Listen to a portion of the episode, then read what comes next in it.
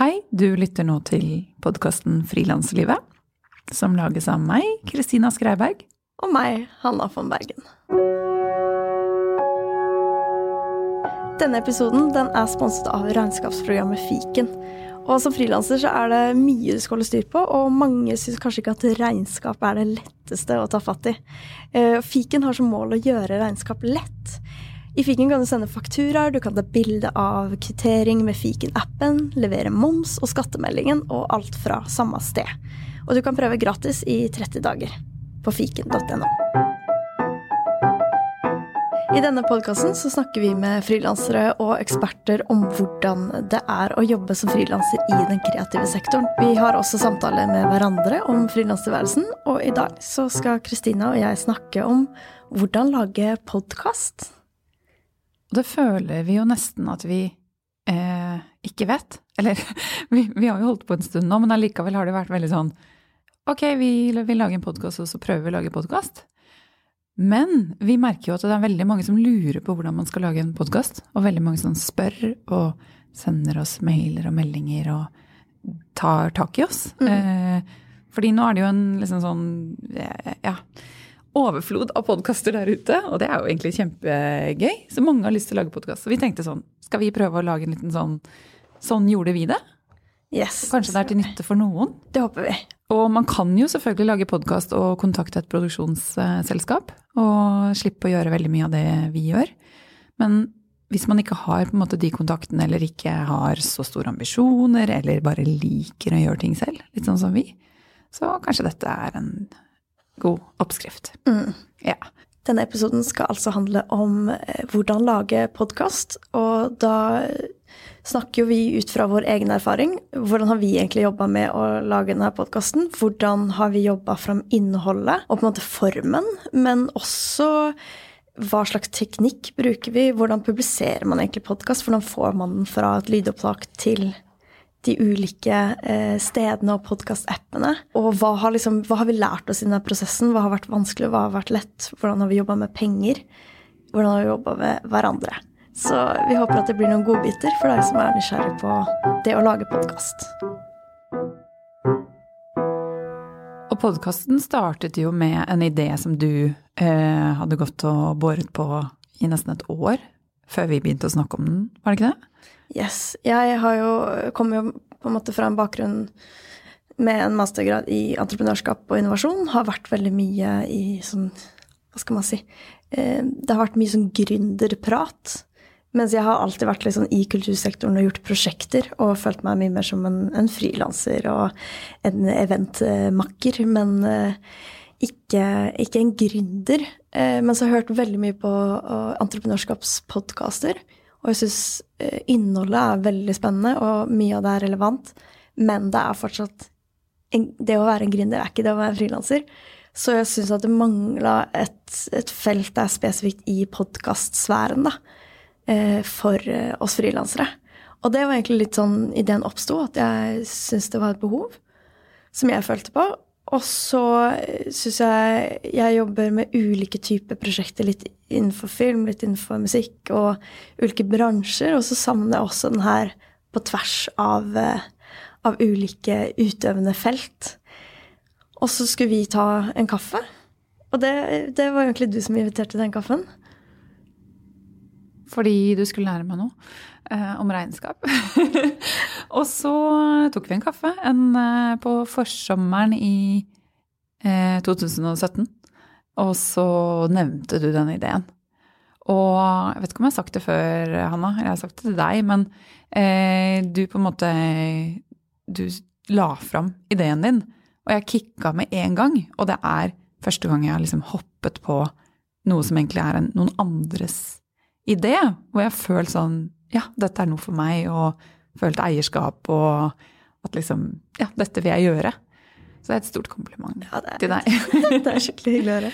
Ja, så jeg hadde kjempelyst med en gang, og jeg merket også at dette ja, tror jeg på det var fint å jobbe med deg, osv. Mm. Og vi hadde jo en, eh, på en, måte, en kollegial relasjon fra Pecha Kucha, som er kulturevent hvor vi begge har eh, jobba sammen. Eh, et frivillig verv hvor man lager fire eventer per år Så vi kjente hverandre på en måte litt derfra, men ikke sånn kjempegodt. Så det var jo eh, på en måte litt tilfeldig at det ble oss, men det passa så bra, da, både i, i også i styrke og bakgrunn, og at vi begge Det var det viktigste, at vi begge virkelig eh, var gira på denne ideen om å lage det her innholdet. Og det er jo ikke så lett å finne en makker. Jeg er veldig vant til å bare starte ting alene. For jeg er litt sånn utålmodig person og bare går, går i gang. Men i dette prosjektet så jeg, nyter jeg virkelig å, å jobbe med deg. og være to. Men man vet jo egentlig ikke før man starter ut om det er en god, eh, god match. Og det er litt sånn, jeg tenker sånn det, det smarteste, litt sånn som du gjorde det, er jo bare å snakke litt sånn høyt om ideene sine. Og se hvor, hvem som tar det imot, og hvem som blir med og løfter og bidrar og ja, mm. Hvem som tar det videre, da. Ja, og det er kanskje første læring.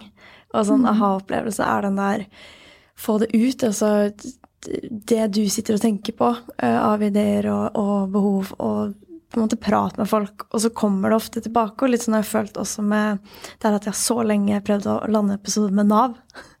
Fordi jeg syns det er så viktig i forhold til det å være frilanser og snakke om rettigheter. Og det har jeg prøvd på uh, over et halvt år, eller kanskje lengre. Og så har det vært veldig vanskelig å få til. Men så har jeg til og med bare tatt en øl med en fyr jeg pleide å date. Eh, og så plutselig så har han vært og snakka med en barndomsvenn fra Nordstrand som har jobba med Nav, som ønska å stille. Fordi Nav eh, og presseavdelingen på Nav har ikke ønsket å stille.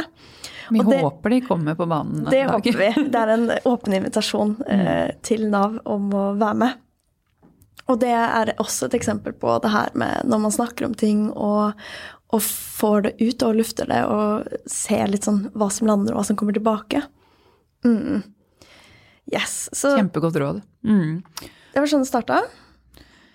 Ja, og da tok vi en kaffe til, sånn kort oppsummert, en kaffe til etter sommerferien og satt og drodlet litt og skrev notater. Og jeg tror jeg fulgte opp den kaffen med sånn Her er en oppsummering etter møtet og yes, skal vi gå i gang? Yes. Og så gikk vi i gang.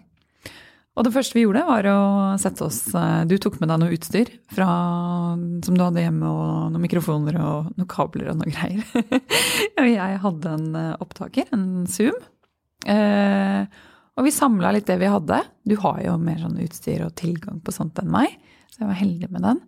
Og så tok vi opp, satt vi hjemme og bare ok, vi bare prøver oss frem. Eh, med å lage tre episoder. Mm, og da hadde vi snakka litt om sånn ok, hva bør en frilanser tjene? Det hadde vi på en måte som ett tema. Hvorfor frilansere hadde vi som et annet tema. Og så tok vi egentlig bare litt sånn utgangspunkt, en slags sånn tittel og, og sånn vag idé av noe innhold. Et konkret tema, men egentlig ikke noe eh, Ikke noe sånn strammere enn det. Ja, det føltes så konkret ut, og så begynte vi å prate. Og så hadde vi de tre episodene, og så hørte vi på det i etterkant. Eh, og så føltes det veldig lite konkret ut uh, i retrospekt. Det føltes veldig rotete ut, og bare egentlig sånn dårlig lyd. Og for lite struktur. Og ikke noe, ikke noe som man er sånn kjempestolt av og ville liksom putte ut i verden. Ja, og det som jeg sa til deg da, tenk, og som jeg tenker er viktig, er jo når du skal putte mye tid ned i noe, og du skal Folk vil jo kanskje legge merke til det. Så er det jo litt viktig når man først skal gjøre noe, at det er sånn noenlunde ok. Så det håper jeg vi har fått til mm. nå. Ja, for det er sånn fin balanse der med å ikke være perfeksjonist, men heller ikke skulle være sånn ja, men nå lagde vi de oppstående, så derfor skal vi publisere de. Men faktisk, vi skrinla de tre første episodene og bare pælma de. Det gjorde vi. Ja, det er jo litt som en sånn skriveprosess. Kill your darlings, liksom. Den, eh, ja, kjempeviktig. Men vi har jo også sluppet episoder som vi ikke har vært sånn eh, 100% fornøyd med. Fordi man noen ganger også må tenke at ok, det går en grense for hvor, ja, hvor mye man skal eh, hvor god man skal bli før man tør å gjøre noe. Da. Ja, så er det en prosess også for vår del å lage podkast. Så jeg syns at man skal gi seg litt sånn slack, men ha en høy ambisjon. Ja. ja. Den, de første episodene jeg lagde, da eh, sov jeg ikke et eneste minutt natten i forveien. Eh, og det, det, er jo litt sånn eh, hvordan prestasjonsangst og noia og stress og sånn hvor den påvirker jo folk på forskjellige måter. Og for meg så går det eh, først utover søvn. Og jeg bare liksom lå høyt oppå lakenet hele denne natten. Ja, Hva gjorde at det var så skummelt? Jeg vet ikke. Altså, jeg, jeg, vet ikke hvorfor. Jeg var ikke sånn at jeg lå og var nervøs i kroppen. Jeg bare hadde allikevel ikke roen. Så det var jo Jeg følte meg jo helt sånn eh, Jeg vet ikke, bomull i hodet neste dag. Og, at, eh, og jeg tenker at når du intervjuer noen på en podkast, så syns jeg selv Jeg vil helst være ganske oppvakt. Fordi det er så tydelig om du følger opp i Følger med i samtalen og stiller oppfølgingsspørsmål osv. Så, videre. så jeg hører jo når jeg hører de episodene nå, som var Den ene var med Sindre Leganger, en av de episodene jeg har gjort med han. Og den andre var med Silje, som driver kunst i Bergen. Og jeg hører at jeg ikke har sovet. Så, men vi tenkte ja ja, det får så være. Ja, jeg syns ja. de er veldig fine for det. det. Det er godt å høre. Men det går en grense et eller annet sted, og så ja, hvor vil jeg med det her? Si at eh, alle har vi sånne nerver, selv om man kanskje ikke ser, ser det. Mm. Eller vet at folk har det. jeg har skjelven i stemmen på selve podkasten. Men ja, kanskje eh, du har lyst til å fortelle litt om hva skjedde på en måte etter vi gjorde de tre testopptakene? Ja, altså da, vi trodde jo at vi skulle lage en podkast i løpet av eh, to-tre måneder. At den skulle komme ut eh, i hvert fall før jul ja, det var ambisjonen. Det var ambisjonen. Og så er eh, nok du litt mer utålmodig enn meg. Jeg har lært meg å bli litt mer sånn ha litt is i magen og Så jeg husker jeg sa sånn Hanna, vi må gi det mer tid. Må, ja. Så det, det, jeg tror ikke dette kommer til å komme ut før eh, kanskje i januar, februar, mars. Ja. Og så kom vi ut i april, ut april, 2018. Og jeg var litt redd at vi skulle miste liksom momentum. Den der eh, at du vet når du sitter for lenge med noe som ikke blir noe av, at det kanskje bare ikke blir noe av. Men der er jo vi ganske målretta, så det hjalp veldig å liksom finne dager vi skulle møtes på. Jobbe fram konseptet, rett og slett. For det er sånn veldig ullen prosess, og veldig vanskelig å, å, å vite hvor lang tid det tar. Uh, og, og, også var det veldig mye å finne ut av. Da begynte jo litt sånn hva er det vi Basert på de tre testopptakene, hva er det vi egentlig ikke kan? Hva syns vi er dårlig? Hva vil vi gjøre bedre? Og hva vil vi med dette? Mm. Og noen av de spørsmålene var jo liksom ok, vi trenger tydeligere innhold. Trenger tydeligere struktur på samtalen vi har med hverandre. Uh, vi trenger bedre teknikk. Vi trenger bedre lyd. Et sted å spille det inn som ikke har masse støy. Og litt sånn hva er helhetsstrategien, da? Ikke bare innholdet, men også sånn markedsføring. Hvem vil vi nå? Hvordan skal vi få det ut? Hvordan publiserer man egentlig også en podkast? Og så eh, og før vi går til alle de punktene i kronologisk rekkefølge, tenker jeg, sånn fra A til Å, så vil jeg bare nevne det med arbeidsinnsats.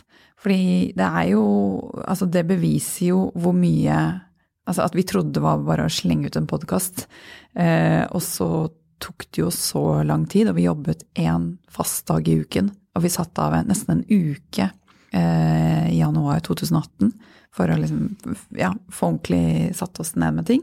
Så det vi nå har sett på, er hvor mange timer vi har lagt ned til sammen i denne podkasten. Og det er eh, Hvor mye var det? 800 timer totalt. Det er 106 dager og vi har jobbet da 53 dager hver med mm. denne podkasten for å bare lage 30 episoder. det er Så ja. Hva sier det oss? At det tar tid? At det tar tid, ja. Mm. Absolutt. Det har tatt overraskende mye tid. Og, men også et helt fantastisk morsomt prosjekt. Det er veldig viktig også å slenge inn der. Uh, og vi har vært veldig heldige. Gøy tid. Mm, og vi har brukt Kristine har vært en uh, helt fantastisk uh, stipendsøknadsskriver også. Vi har jo fått 175 000 kroner i stipend. Vi har fått fra Fritt Ord, og vi har fått fra Kulturetaten. Og det har jo på en måte gjort at vi kunne ha brukt tid òg, fordi det er jo en direkte tap i inntekt når vi setter av en dag i uka, samtidig som det er jo vi syns det er veldig verdt det, da. Og det er veldig hyggelig at, at noen av de her eh, etatene og eh, ja, stipend, stipendene syns det også.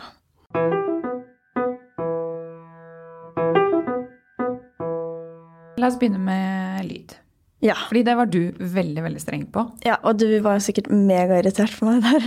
Eller har vært det i mange omganger. For det har vært så utrolig Jeg snakka så mye om lyd. Sånn til en nesten sånn overdrevet nivå. Og jeg er ikke noe ekspert på lyd, så jeg har også syntes det har vært veldig sånn en stor læringskurve da, å skulle hoppe inn. Jeg er vant til å spille musikk, men det å spille på et instrument er jo ikke det samme som å være lydtekniker. Så jeg hadde litt erfaring, men langt fra eh, god nok erfaring.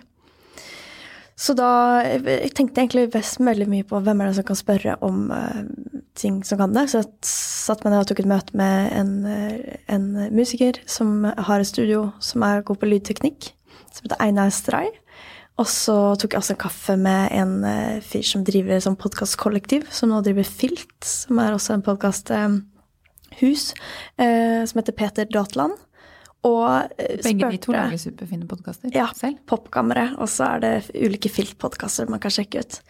Og det var skikkelig læringsrikt. Og da var, sendte jeg dem bare en mail og var sånn Jeg har lyst til å lage podkast, jeg vet ingenting om det her, hva Og så snakker personen ok, hvilken teknikk bruker du?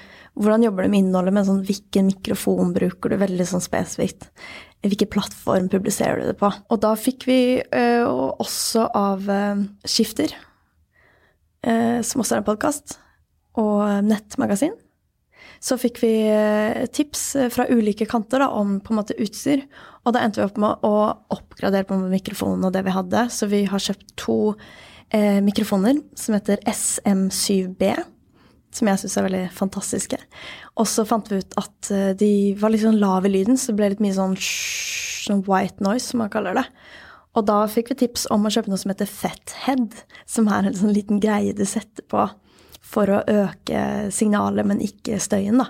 Eh, sånn at du får bedre lyd uten å få med deg noe av den der skal vi si, støvlyden med. Så, og så har vi rett og slett en Zoom recorder. Vi har en som heter H5, som egentlig er sånn at du kan koble to eh, kabler fra, altså fra hver sin mikrofon inn i den og så har du et minnekort, og så trykker du bare liksom på play, og så tar du opp lyden. Og det er utstyret eh, vi har. Så det Og vi har noen stativer da, som vi står på, litt sånne ting. Men det har vært veldig, veldig fint eh, for oss å få de tipsa, og det har hjulpet veldig mye. Og det har blitt veldig mye bedre lyd enn det var de der første gangene vi prøvde å ta det opp. Og denne pakken da, med utstyr, hva ble det på igjen sånn cirka, Hanna? Husker det ble på ca. sånn 12 000, tror jeg. Totalt? Mm. Ja. Og det er jo ikke den Altså hvis man tester litt og ser at dette har jeg lyst til å gjøre, så er det jo ikke den største utgiften. Og jeg tenker man får jo sikkert solgt det brukt igjen hvis man ser at Ja, og man kan ja. jo helt fint bruke andre ting også. Eh, men vi var veldig sånn fast bestemt på at vi vil gjøre det her selv. Og det kan jo være litt sånn litt sta av oss. Men jeg har gitt ut en plate på, på et eget eh, si, eh, selskap, og du har gitt ut en bok. Så vi har liksom likt litt den der prosessen med å holde alt fra A til Å og ha 100% eierskap. Og også jobbe med det liksom helt uavhengig. Og vi syns det passa det å være frilanser og lage en podkast for frilansere. Syns vi det også passa at vi på en måte drifter det her selv, da. Så derfor gjorde vi også det at vi hadde lyst til å investere i utstyr og liksom sette oss skikkelig inn i det. Og jeg er også den som mikser eh, podkastepisodene. Så vi holder liksom i alt. Hele den prosessen. Men man kan jo fint velge å gå til en podkast eh, Hva heter det? Altså produksjonsselskap? Produksjonsselskap som har ulike podkaster, og det fins veldig mange av de, eh, og på en måte pitcher sin idé. Og jeg vet ikke helt når de tar opp ting, og hvordan de jobber med penger og sponsor og sånne her ting, men det er jo en veldig mul stor mulighet som veldig mange gjør, som er smart også. Som kanskje er lettere for Eller mange oppfatter som lettere. Man, man, altså uten deg hadde jo ikke jeg kanskje orket å sette meg inn i alt dette med lyd og miksing og Så det er jo veldig takknemlig at det er du som er min makker. Lisa. Og at uh, du er opptatt av lyd, og jeg er opptatt av ord. Uh, og det er en god, ja, god kombo. Ja. Mm. Og eh, Så en ting som jeg syns er også et veldig bra tips, da, som, vi, uh, som for min del var veldig, veldig glad for å få. Det er jo litt derfor vi også gir det her videre, fordi vi syns at det er så flott når folk deler og faktisk er litt sånn transparente hvordan man gjør ting. Sånn at For vi, jeg mener jo at hvis det er folk som har lyst til å lage podkast, så er det så dumt om teknikken holder deg tilbake hvis du skal gjøre noe sjæl. Og det er kult å også på en måte kunne gi de tipsene videre, da, som vi har fått. Og da er et litt sånn golden uh, trick Dette er gulltipset. Ja, syns jeg, da. Mm. Uh, det er jo at jeg er ikke noe ekspert på liksom miksing av lyd. Og det er veldig mye man egentlig bør kunne der for å gjøre det sånn superbra. Uh, så vi har valgt å bruke en slags digital app, en nettside som heter Auphonic. Auphonic. Og der kan man gå inn, og så kan man laste opp lydopptaket, og så mikser den til måte, minus 16 LUF, som er en slags sånn lydstandard i podkast. Og ta bort mye av den her støylydene. Gjør begge stemmer like høye hvis en snakker litt lenger bort fra mikrofonen, og vi snakker i ulik styrke. Så den jevner ut, da, og lager veldig sånn Genialt, altså. Bra lyd.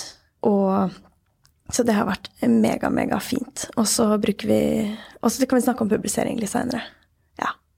Men nå, nå, lurer kanskje folk på hvor mye eh, miksing som ligger bak en episode. Og jeg tenker sånn, vi, Det er jo mange som mikser mye mer enn det Eller gjør etterarbeidet. Mye mer enn det vi gjør. Men det vi gjør, er jo sånn at du tar jo bort eh, ganske mye sånn eh, mm, Og kanskje litt sånn smattelyder eller hosteanfall og sånn? det er så sykt morsomt, fordi Kristine Det er en episode som Kristine hadde, et intervju. Eh, og så eh, skal Dere kan få høre på det her eh, nå. Og jeg får reise i et land som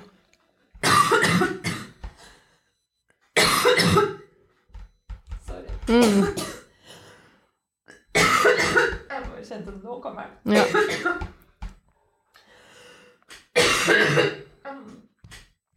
Jeg har ikke noen halspastiller å by deg. Ikke jeg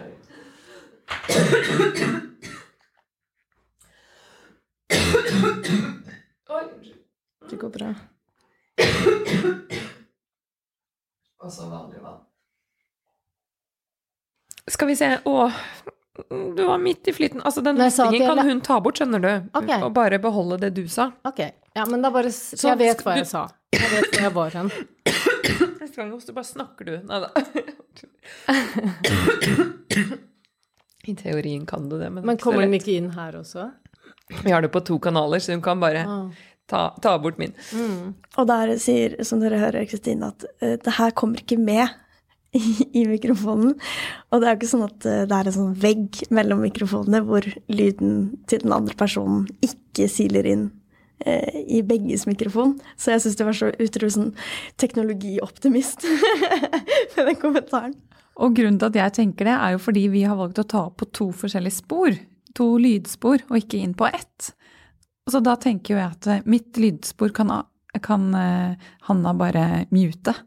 Men selvfølgelig så kommer jo hostingen på det andre lydsporet også. det fanger opp litt, litt, mer enn sånn bare stemmen. Ja. Men, eh, så det var et eksempel. Og så kan dere høre litt andre eksempler på ja, Det er jo ikke det hyggeligste å sitte og høre seg selv prate. Det tror jeg de fleste syns er litt sånn ukomfortabelt. Og man legger jo ekstremt godt merke til alle uvaner man har. Og man blir jo imponert over de som jobber i radio, som ikke har de her mm, eh, lydene.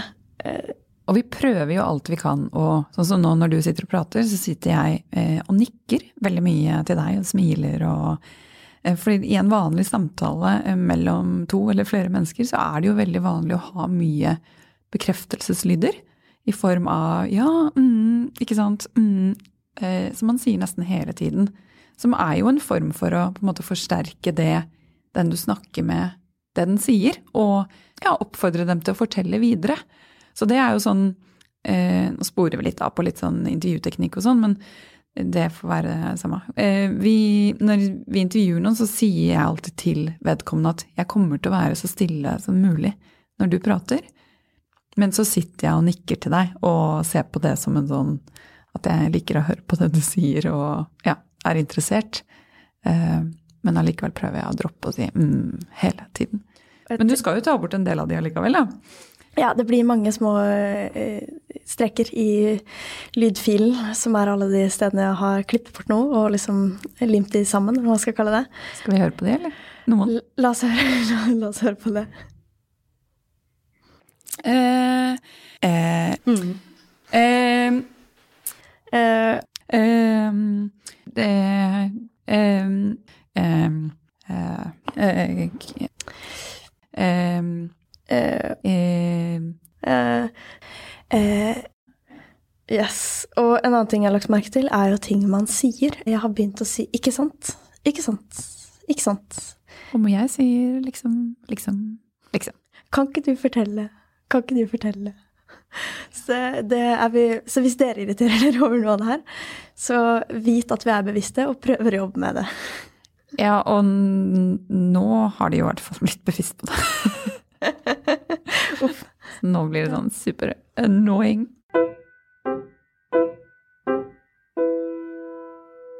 Når det gjelder publisering av podkasten, så er det jo litt vanskelig å vite hvordan man på en måte får det fra et lydopptak til å komme ut, da. F.eks. på Spotify, på iTunes. Det fins masse sånn podkast-apper man kan høre på podkast igjennom. Eh, Og da har vi brukt en nettside som heter Audioboom. Det fins veldig mye forskjellig der ute, så jeg anbefaler å gjøre litt research. Og da laster man rett og slett det opp der og kobler det litt sammen med noen kanaler. Og så kommer det ut overalt. Og det er eh, veldig fint. Så det er et tips.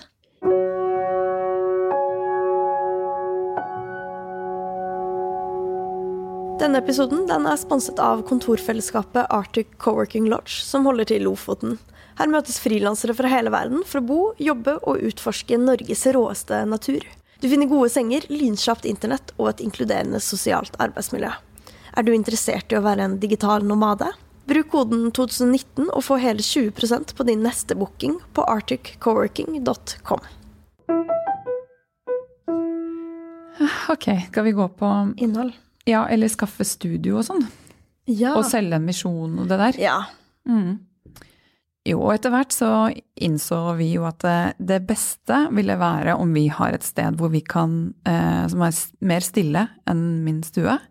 Og etter hvert skulle vi også begynne å invitere gjester inn. Og invitere dem hjem, det går jo greit, men det er jo enda bedre å invitere dem inn til et eh, litt mer sånn eh, profesjonelt eh, arbeidsmiljø. Så da tenkte vi sånn, hvor, hvor kan vi sitte? Og begynte å se oss litt rundt etter eh, passende steder. Og vi har jo da en avtale med Spaces, som er eh, co-working, eh, et co-working-sted i Kvadraturen i Oslo. Hvor vi sitter i et møterom hvor det er eh, eh, ganske tunge gardiner og eh, teppe på gulvet og som suger opp lyden, men som ikke er et podkaststudio, men som funker godt nok for oss. Ja, og det er vel det Det syns jeg er en god læring i det der at jeg var veldig sånn Ja, men vi må ha et studio, for vi må ha noe som er helt lydisolert. Eh, for jeg kan av og til være sånn Ja, hører en liten bil der, eller hører litt sånn små bakgrunnslyder. Men samtidig så er det så utrolig kult at de har lyst til å støtte oss, og at det her fungerer så praktisk og bra på mange andre måter. Og, det har, og da har vært sånn Ja, men det, vi syns lyden blir god nok i det her rommet. Og, For du var jo veldig sånn Vi må teste det først, og Ja. se om det funker. Og jeg var sånn det, Hanna, det er sikkert, sikkert bra nok. Og det er det jo. Men det som dette også har gitt oss, det å være på Spaces, er jo at det, det er et veldig mm, liksom, flott interiør og kult sted. Eh, Selve Spaces er det. Så det gjør at vi har et litt sånn representabelt, eller et veldig representabelt sted å ta imot eh, våre gjester. Som er veldig, veldig takknemlig. Det er så hyggelig å kunne invitere folk på en kopp kaffe og ta dem inn på et møterom og ja. Ja, og pluss at et møterom er utrolig fleksibelt. Et studio er kanskje fullbooka til en større grad. Møterom eh, For oss har det vært helt gull verdt, fordi vi jobber veldig mye begge to. Og trenger å liksom ta intervjuene litt sånn på dagtid imellom kanskje noen andre prosjekter. Og da å ikke forholde seg til en fast tid per uke har gjort da at vi kan faktisk gjøre At det her er gjennomførbart, det her prosjektet. Så det har også vært en veldig viktig del av det. Men eh, dette her, eh, denne avtalen med Spaces fikk jo vi før vi lanserte podkasten.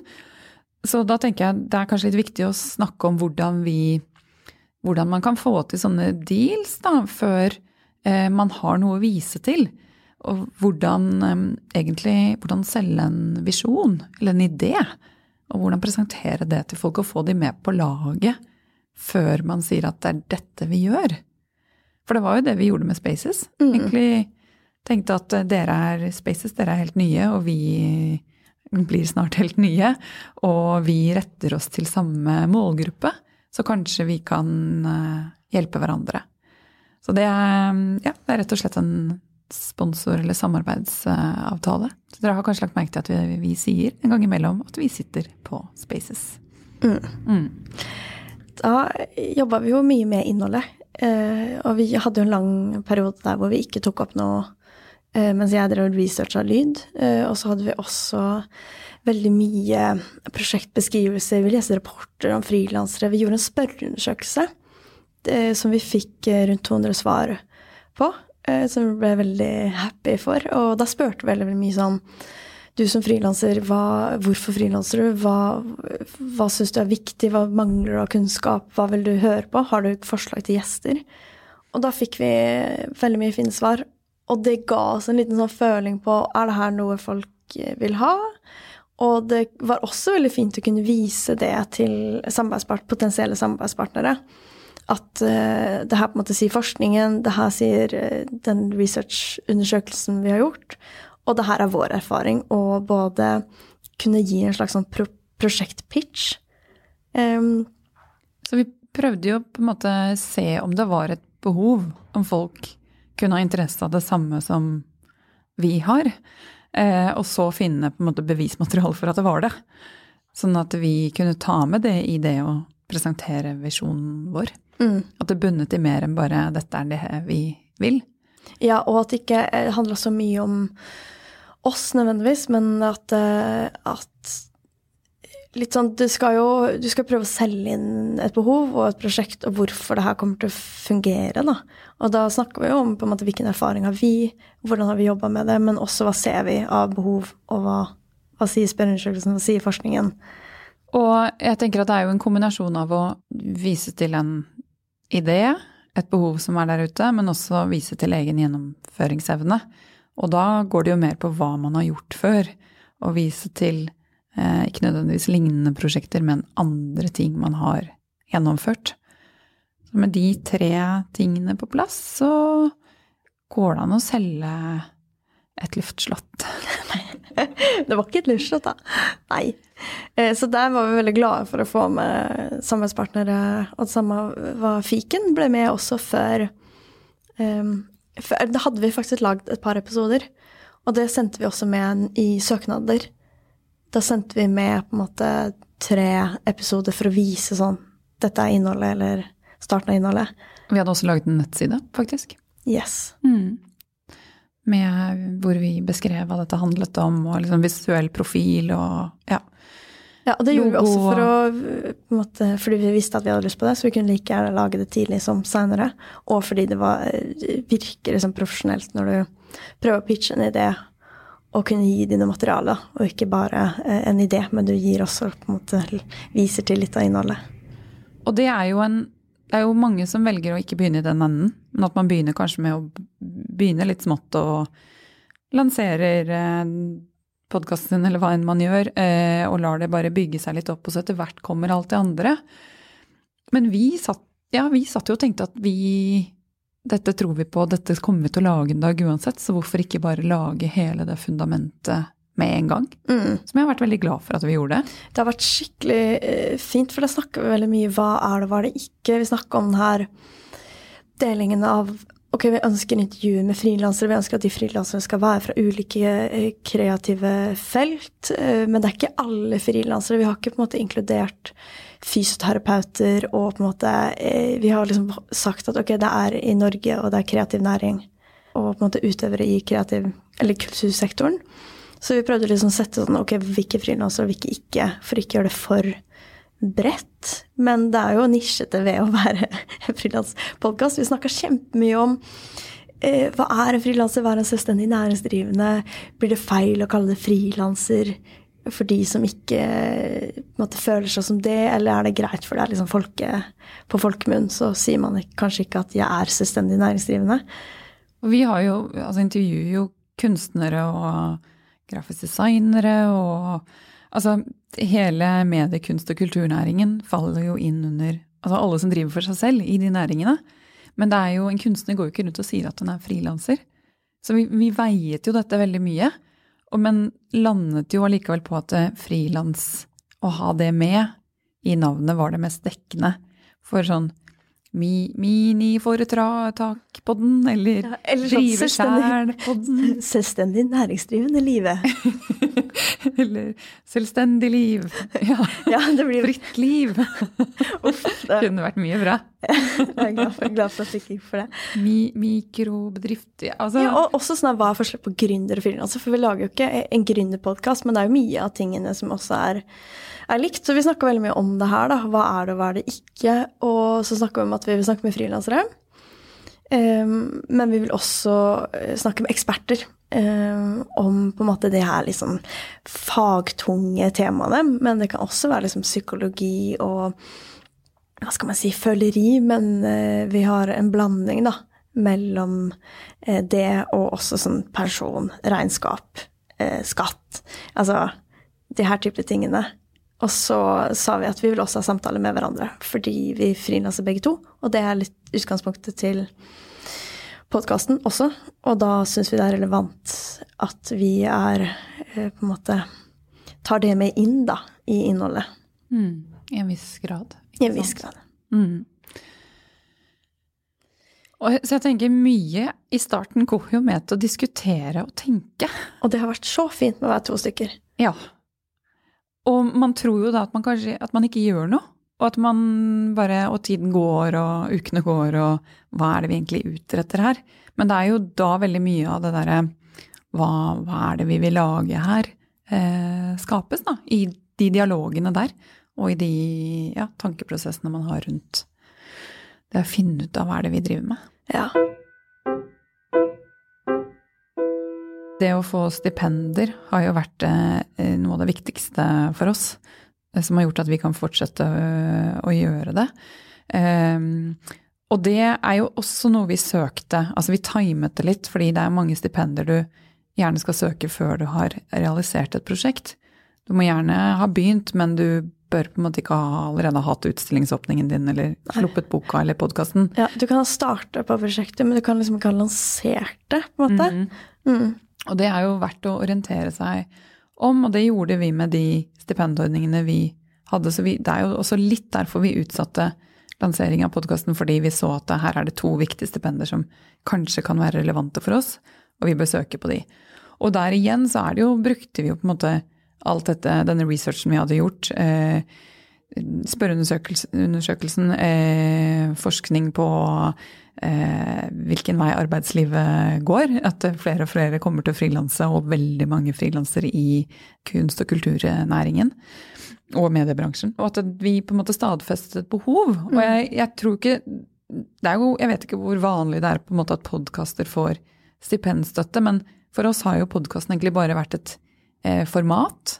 Eh, mens det vi har ønsket, er jo å skape et faglig eh, forum hvor, som kan styrke vi som jobber, i, jobber for oss selv. Men så eh, når du søkte stipender, eller vi da, men Kristina var den som skrev, eh, og da la vi også med opptak. Vi la med et par intervjuer. Vi la med en liste over frilansere vi kunne tenkt oss å spørre, og eksperter vi kunne tenkt oss å spørre, og hvilke vi hadde spurt som hadde takka ja. For å også vise litt at det er ikke bare det er ikke en idé, men det er en plan, og det er en plan som har begynt å bli satt i gang. Og det kommer til å bli publisert. Så det var litt viktig også liksom, å vise til at eh, vi er ikke kun på idéstadiet.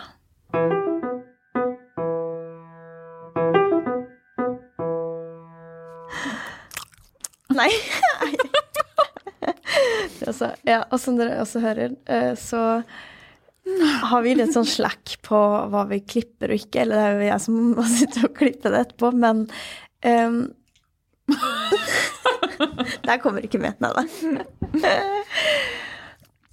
Nei, det er grunnen til at sånt ikke kommer. Ja. Mm. Ja, altså det du klipper er jo hovedsakelig sånne lyder, men det er jo også noen ganger sånn som vi sier til intervjuobjektet Dette kommer litt inn på innhold, og det passer bra, for det, det skal vi ha, snakke litt om nå. Men vi sier jo ofte til intervjuobjektet at hvis du bare stivnet eller eh, fikk hosteanfall eller sa noe du ikke mente, eller du bare uttrykket deg litt feil og vi begynner på'n igjen på den setningen, så gjør vi det. Vi sitter jo ikke live. Og sånne småting, det fikser vi i etterkant. Så det er jo sånn som du gjør.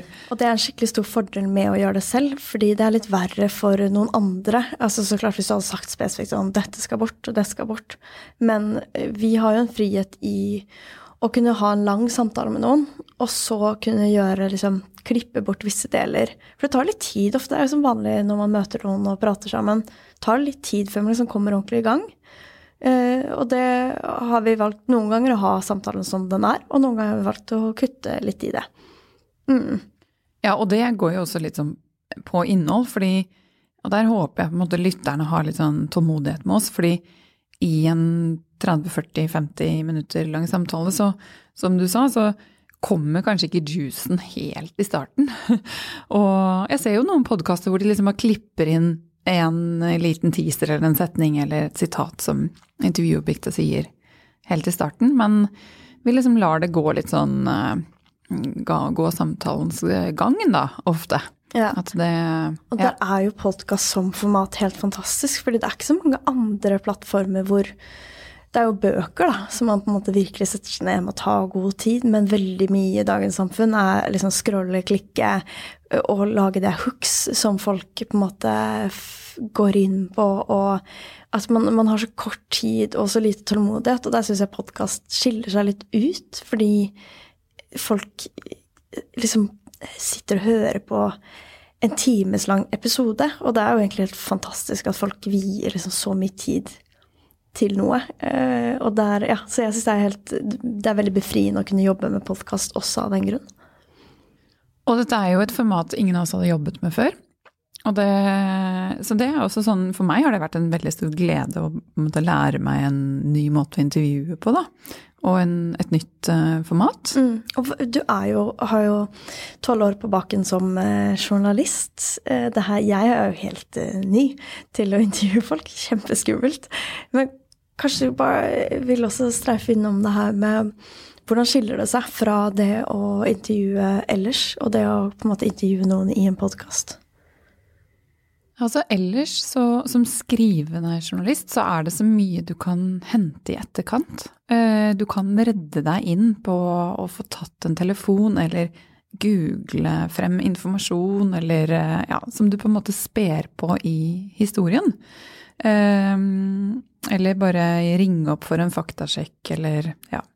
Så det, det, det er nok derfor jeg hadde litt sånn nerver før de første intervjuene, for jeg følte sånn det er nå det gjelder. Det er nå jeg skal være til stede i denne samtalen. Og det er nå jeg skal stille de gode spørsmålene og få eh, intervjuobjektet til å få plass og til å skinne, liksom. Og det tenker jeg er ganske Eller syns jeg er viktig når man intervjuer noen eh, til et slikt format, er å gi intervjuobjektet plass. Og noen ganger altså stille åpne spørsmål. Eh, hva, hvordan, hvorfor.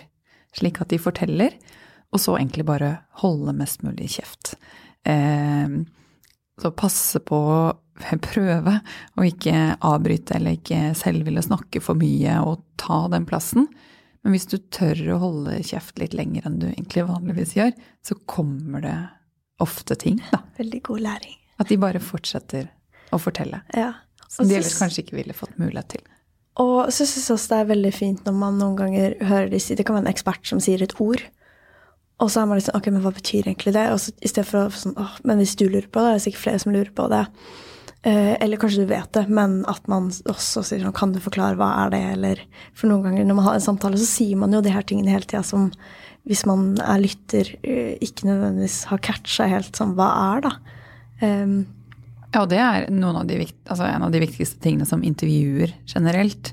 At du eh, det er viktig å ikke være redd for å være dum, å være hun dumme som ikke vet alt. At hvis det er noe du ikke forstår, så spør du om det. Eh, liksom, hva er det? Dette forsto jeg ikke helt. Og Ja, ellers, ellers så får du ikke svar på det. Og lytteren får ikke svar på det, og du får ikke vært det mediumet, da, på en måte. Den, den som det blir fortalt gjennom. Og det har jeg opplevd veldig ofte med foredrag. Vi har jobba med Pecha Kucha i mange år, og det er sånn kort foredragsformat. Og jeg jobber med TEDX Oslo et par år, og det er en ting man ofte ser når folk presenterer noe på scenen, er at de kanskje tar litt for god fisk, at folk virkelig vet hva de snakker om. Og så hopper de liksom rett inn i det uten å lage en ramme for liksom, hva er denne praten. Og da tar det så lang tid før man virkelig liksom klarer å, å catche da, og følge med. Det er noe med at det skal være veldig behagelig å følge samtalen. Ja for, ja, for det har vi snakket om før, ja. Det med Pecha Gucha, at vi ser det igjen og igjen. At det, de som skal snakke, har 6 minutter og 40 sekunder på å presentere noe, men de glemmer å si 'dette er det jeg skal snakke om', eller 'dette er det jeg driver med', eller 'mitt prosjekt handler om'. Det bare går rett på et eller annet, og man bare Hva er det de egentlig står og prater om? Bruke tre minutter på sånn Å ja, er den Ja. Ok, det er det. så det er viktig. Veldig, veldig viktig. Og det håper jeg at dere føler at vi gjør. Ja. Og så er det jo samtaler med mennesker, og man vet jo aldri helt hvordan det blir. Mm. Sånn som nå. Nei da. Yes. Ja. ja, det vil jeg også nevne at vi bestemte oss jo for at vi også skal ha samtaler med hverandre. Og det var jo det vi begynte med å lage hjemme eh, ved spisbordet mitt. Og det syns jeg er det vanskeligste vi gjør. For jeg syns det er mye lettere eh, å invitere en, et intervjuobjekt og gi den personen plass. Og stille spørsmål og ja, lage på en måte et manus eh, liste med spørsmål til den. Og det vi skal gjøre da, er jo ikke ta så mye plass. Mens når vi skal snakke sammen, så sitter jo egentlig vi liksom og småprater men om et tema, men vi skal også få like mye plass. Og det er en, på en måte en annen måte å holde en samtale på, som jeg var veldig usikker på om ville funke. Det er, mye, det er litt ikke. mer sånn pingpong-stil. Ja, veldig pingpongstil. Ja. Og så skal du ha en viss struktur også. Og så sporer den ene av litt, og så Ja. Og så må det kanskje ikke være for stramt heller. Nei.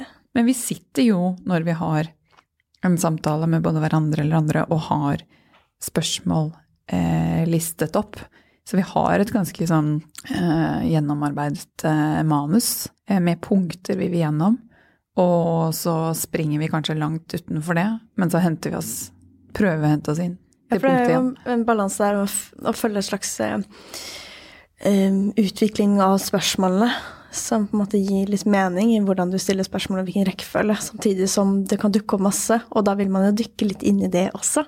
Så det å ikke være for rigid, men samtidig føle at man har en utvikling da, på samtalen. Og når det gjelder ekspertintervjuene, så er det jo, pleier jeg å notere veldig mye sånn av innhold også. Eh, F.eks. lese veldig mye om pensjon og prøve å ha mye sånn fakta og stikkord, sånn at jeg også har satt meg litt inn i temaet og kan spørre litt av de oppfølgingsspørsmålene, men samtidig ta på meg en slags sånn Dette er en introduksjon. Her skal vi prøve å forklare det fra liksom eh, For de som ikke kan så mye. Men du må fortelle litt om intervjuet ditt med Ruben Steinum. Ja. For det står et bilde av den boka. Fordi eh, Ruben Steinum er styreleder i, i eh, UKS, Unge kunstners eh, samfunn. Og han sammen med noen andre har skrevet en bok om på en måte, kunstneres levevilkår. Og snakker veldig mye om inntekt til ulike kunstnergrupper, og at den er veldig lav. Og er litt sånn kritisk til hvordan, eh, man, hvordan samfunnet er strukturert, og hvordan det går an å leve som utøvende kunstner. Og jeg syns det her er kjempeviktig og kjempeinteressant, men også sånn veldig vanskelig tema. Og de har gitt ut en, en liten bok. Den er ikke så mange sider, men den leste jeg gjennom ganske uh, mange ganger. Og satte sjukt mye sånne små uh, klistremerker og gula ut. Og akkurat som jeg studerte liksom til en eksamen. Jeg sånn overforberedte meg. Og i det her intervjuet så drev jeg tok opp masse quotes. Og liksom på side 52 så sier dere at. Og han, det er jo en stund siden de har skrevet boken, så han kan jo ikke liksom noen ordrett. Og husker alt, eller liksom kunne på en måte, ja sånn, si akkurat hva forskning sier akkurat er. Og, så mm, der var det jo nesten litt Gikk litt i andre enden. Um, Så han bare eh, Ja, jeg vet ikke. jeg bare, det er kanskje sånn. Ja. ja. Mm. Men det er også litt fordi man er nervøs, da. Og samme, vi har gjort to live eh, podkaster. Og det er jo en måte å på en måte, markedsføre. Vi har ikke snakket så mye om markedsføring ennå. Det syns jeg at vi bør komme inn på nå. Da eh, har vi en, eh, en liten tittel som heter publisering slash markedsføring. Da beveger vi oss smidig inn i det. Og da har vi gjort to livepodkaster, og det er jo en del også å spre ordet, prøve å liksom lage på en ny måte. Vi har hatt en samarbeidspartner, så vi har også fått betalt. eh, og har på en måte mulighet til å eh, lage innhold som når flere, og på to forskjellige måter. Både foran publikummet, men også bli publisert i etterkant. Og da eh, Første liveintervju var med eh, pensjonsekspert eh, Knut Dyrehaug. Og jeg var så nervøs. Og da hadde jeg samme som meg, at jeg sov ikke noe. Jeg var helt sånn nedbrutt, liksom. Og, bare Ja. Det gikk kjempefint. Jeg skjønner ikke hvorfor jeg, Og jeg har vært masse på scene, og det er det som er litt sånn rart. Og selv om jeg har spilt veldig mye konserter og hatt en del foredrag, så er det å ha et liveintervju som skal tas opp, er plutselig en helt ny greie. Og oppleves helt annerledes. Eh, så bare man bytter formatet, så er det liksom, ja, noe nytt og skummelt. Og det tror jeg man kanskje ikke tenker så mye på når man ser noen andre da, som gjør noe. Man tenker ikke at de er sånn ha, nervøse. Og så prøver man jo ikke la det påvirke for mye. For vi er jo nokså scenevant, begge to. Eh, så jeg tror kanskje det også handler om tema. At eh, det var et Altså, du snakket om pensjon, hvor man også føler sånn du, Igjen kunne du sittet der med boka, da, og bare hatt masse Ja, masse Post-It-lapper og Ja, er notater, veldig sånn og at man har litt noia. Ja. Faglig tema. Mm. Og så tok vi AS versus eh, enkeltpersonsforetak, da, for å gjøre det litt mer enkelt av det. Var også kjempefaglig. ja. Ja. Jeg skal ha neste gang, og da skal det bare være kos, egentlig. Da skal vi snakke om markedsføring. Ja, Ja.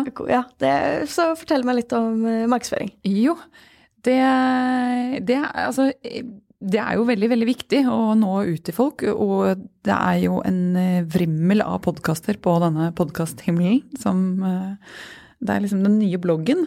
Eh, Så det er jo liksom godt gjort å i det hele tatt syns. Og i hvert fall når du ikke publiseres gjennom et produksjonsselskap eller NRK eller noen andre. Du har liksom ikke noen sånne kjempemuskler da, som du kan Nei, flekse.